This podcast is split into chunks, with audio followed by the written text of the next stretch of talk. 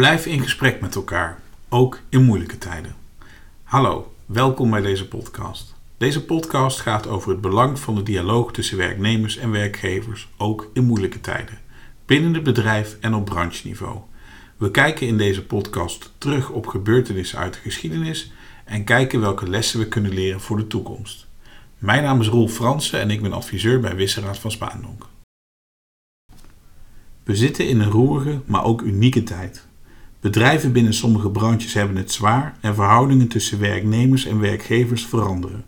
Binnen de politiek zien we polarisatie en de samenleving staat als gevolg van de voortdurende coronamaatregelen steeds verder onder druk. De druk op ondernemers in sommige branches heeft invloed op de CAO-onderhandelingstafel. Onderhandelingen zitten in sommige branches al vast.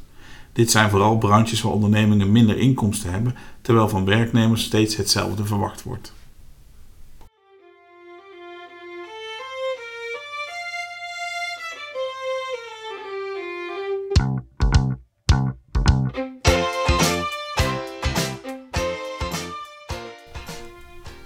Ik neem u mee naar het jaar 1982. Een jaar wat een aantal gelijkenissen kent met de huidige tijd. Het was een roerige tijd. In de top 40 stonden de Dire Straits op 1, Italië werd wereldkampioen voetbal en in Nederland won Ajax de landstitel. Het was ook de tijd van aerobics onder leiding van Jane Fonda, de hitserie Fame op televisie en het eerste wereldkampioenschap Rubik's Cubus. Prins Charles en prinses Diana maakten in dat jaar de geboorte van prinses William bekend. De alomheersende economische crisis is nog ingrijpender geworden, nog omvangrijker. In de hele wereld zit de economie muurvast. De productie stagneert, de handel ligt op zijn gat. De overheid krijgt minder geld binnen, moet meer uitgeven... en staat voor een gestaag groeiend aantal miljarden guldens in het krijt. Onze economie is ernstig ziek, beaamt iedereen. Des te groter de verschillen van opvatting... hoe die zieke economie weer op de been geholpen moet worden. Drie kabinetten beleefden we dit jaar. Met alle drie bezuinigingen in het vaandel. Bezuinigingen die leiden tot felle discussies, hevige protesten en een reeks van stakingen. In Nederland wint de Partij van de Arbeid de verkiezingen. Na een formatieronde van drie weken komt men erachter dat er geen kabinet gevormd kan worden waar de PvdA een onderdeel van uitmaakt. CDA en VVD formeren een kabinet en meneer Lubbers wordt premier. Economisch kende Nederland een heftige tijd die haar oorsprong had in de jaren 70. In de jaren 70 veranderde de arbeidsmarkt op grote schaal. Deze veranderingen leiden tot ontslag in allerlei sectoren. De veranderingen komen tot stand door technologische ontwikkeling, globalisering en alsmaar stijgende loonkosten. Daarnaast kennen de jaren 70 een oliecrisis in 1973 en een tweede oliecrisis in 1979. Hierdoor ontstaat de slechtste economische situatie sinds 1945 in Europa. Terwijl andere landen konden herstellen, blijft Nederland achter. De oorzaak hiervan zijn er nog steeds stijgende loonkosten. In Nederland gold de regel dat de lonen in dezelfde mate moesten stijgen als de prijzen. Vroeg in de jaren 70 neemt de Nederlandse overheid een wet aan om in te kunnen grijpen in de hoogte van de lonen. In die periode grijpt de overheid inderdaad enkele malen in om de lonen te bevriezen. De tweede oliecrisis heeft nog heftiger gevolgen.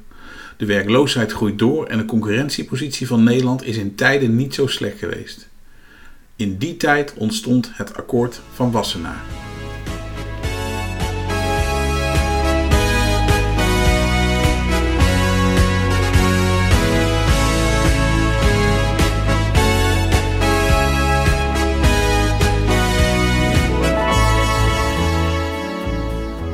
Het akkoord van Wassenaar is een belangrijk verdrag uit de politiek-economische geschiedenis van Nederland.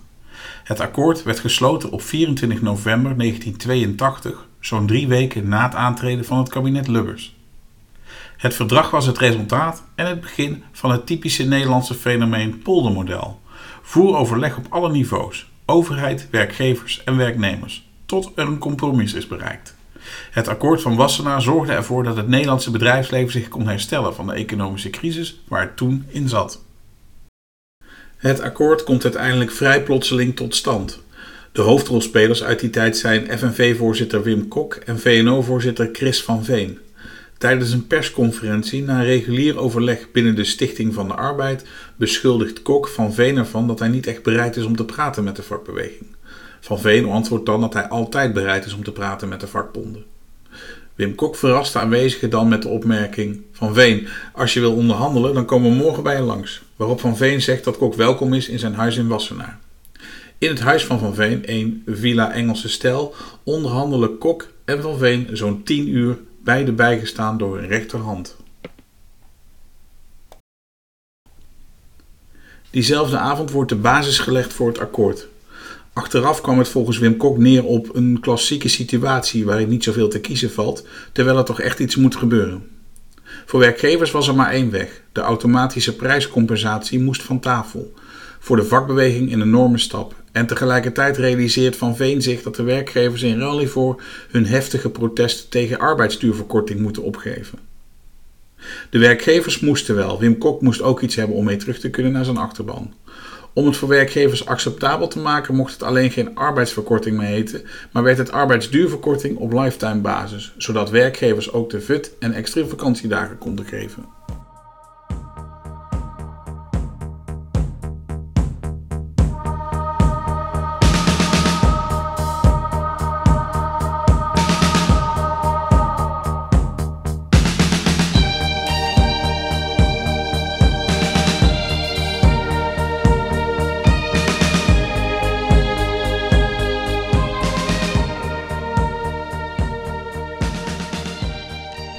In deze tijd is het interessant om terug te kijken naar toen en te zien wat er nodig was om het akkoord tot stand te brengen.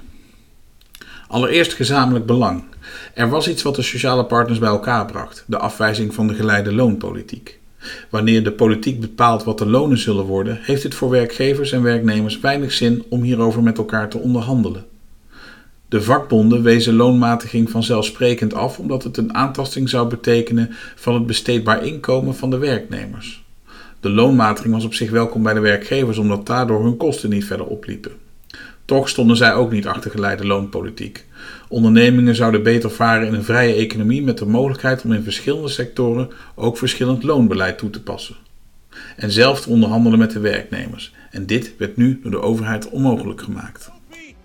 En Dries, je hebt de havenarbeiders weer eens kwaad gemaakt. En als je havenarbeiders kwaad maakt, dan gaat er wat gebeuren, jongens. Dat hebben we wel eens meer meegemaakt. In Wassenaar komen Van Veen en Kok er samen uit. Daar zat niet zozeer het probleem.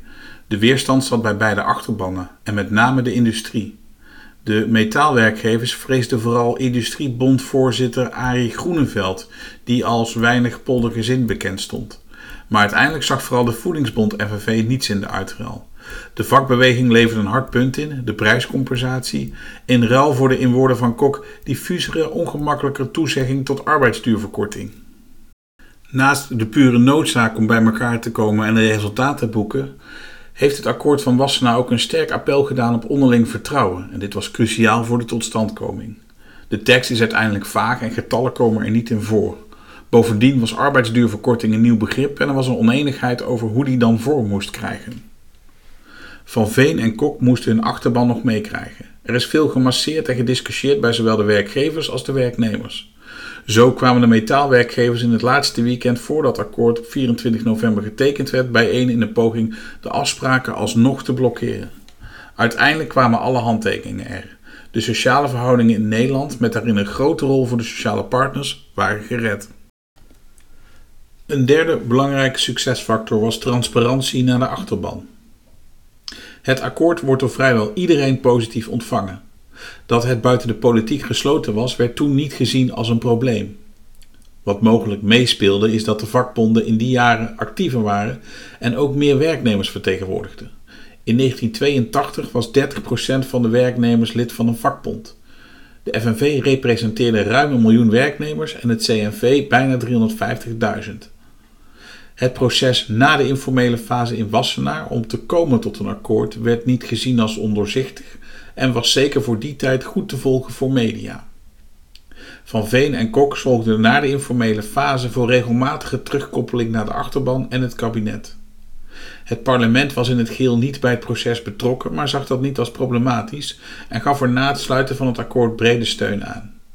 Ten tijde van het sluiten van het akkoord van Wassenaar was er dus geen publieke discussie over de vraag of het een vorm van goed bestuur was.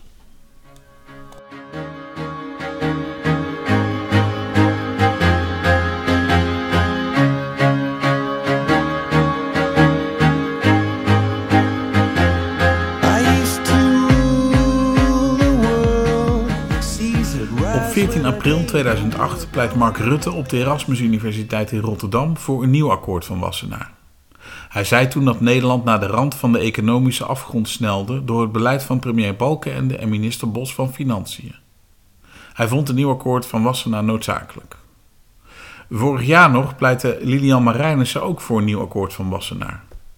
Het akkoord komt in tijden van economische malaise altijd weer naar voren. Wat we kunnen leren van de jaren 80 is dat ingrijpende tijden vragen om ingrijpende oplossingen. Werknemers en werkgevers zijn ook nu veroordeeld tot elkaar. Het grote verschil is dat er perspectief is. De huidige crisis is niet het gevolg van falend beleid en wanneer de pandemie beteugeld wordt, zullen er economisch betere tijden aanbreken.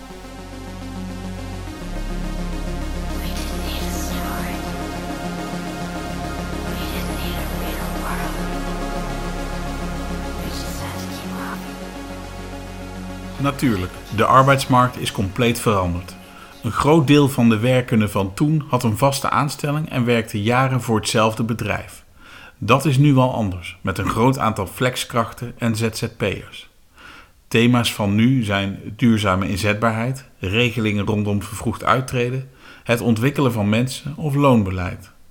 Het zijn in feite allemaal knoppen waaraan werkgevers en werknemers kunnen draaien om tot elkaar te komen.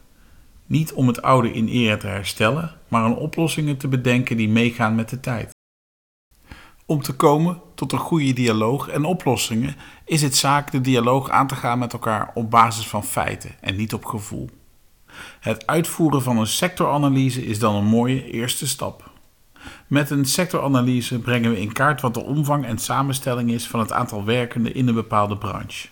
Vervolgens kijken we naar de opbouw en samenstelling van ondernemingen in een branche en tot slot kijken we naar knelpunten op het gebied van duurzame inzetbaarheid en vervroegd uittreden van mensen in een branche.